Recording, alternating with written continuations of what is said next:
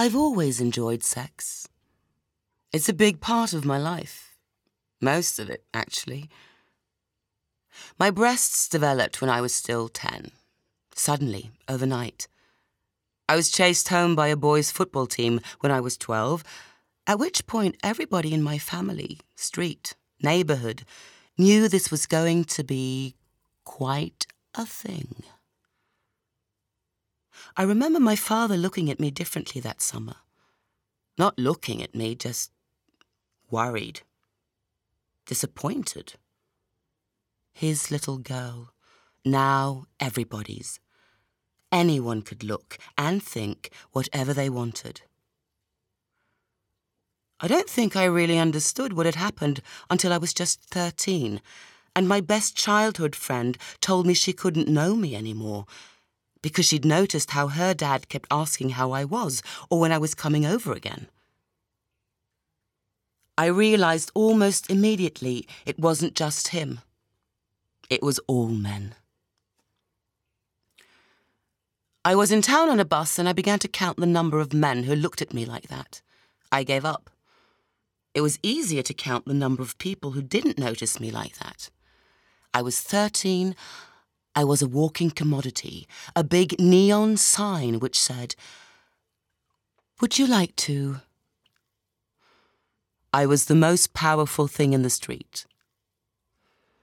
I won't bore you with what happened next. Everything that's meant to happen happened next. A lot.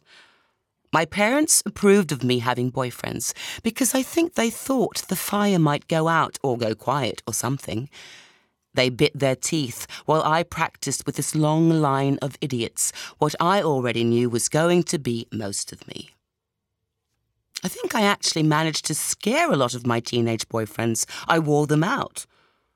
Major boyfriend number four said he wanted to concentrate on his studies and suggested I talk to his best friend, who duly became major boyfriend number five, and so on. I fell in love with a girl when I was 15 and I was broken hearted before I was 16, at which point I'd understood things and I decided to sit back and watch as people crashed all around me because of me, apparently. Middle aged music teacher crying in his car talking about the sound of rain on the roof. Our school priest with an erection talking about poverty and famine.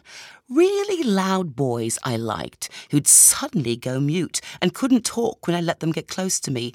Even if they got what they wanted, they still couldn't talk because they'd lost. I'd left, right there and then. And they knew it my dad's work friend who wanted to make sure I saw all of the pictures in the gallery, all of them. Even the family doctor who knew me as a child and now couldn't look me in the eye anymore because of what he was thinking, I suppose. And hate. So much hate.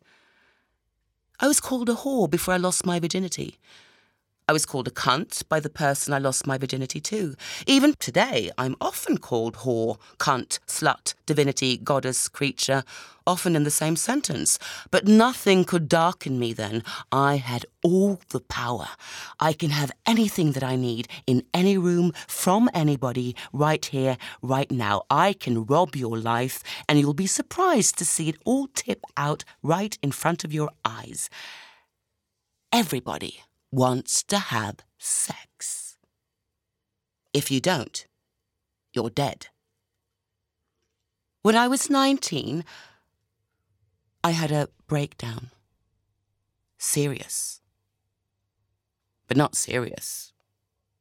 Du har hørt utdrag fra Sexual Content and Violent Emotion av Stephen Hutton.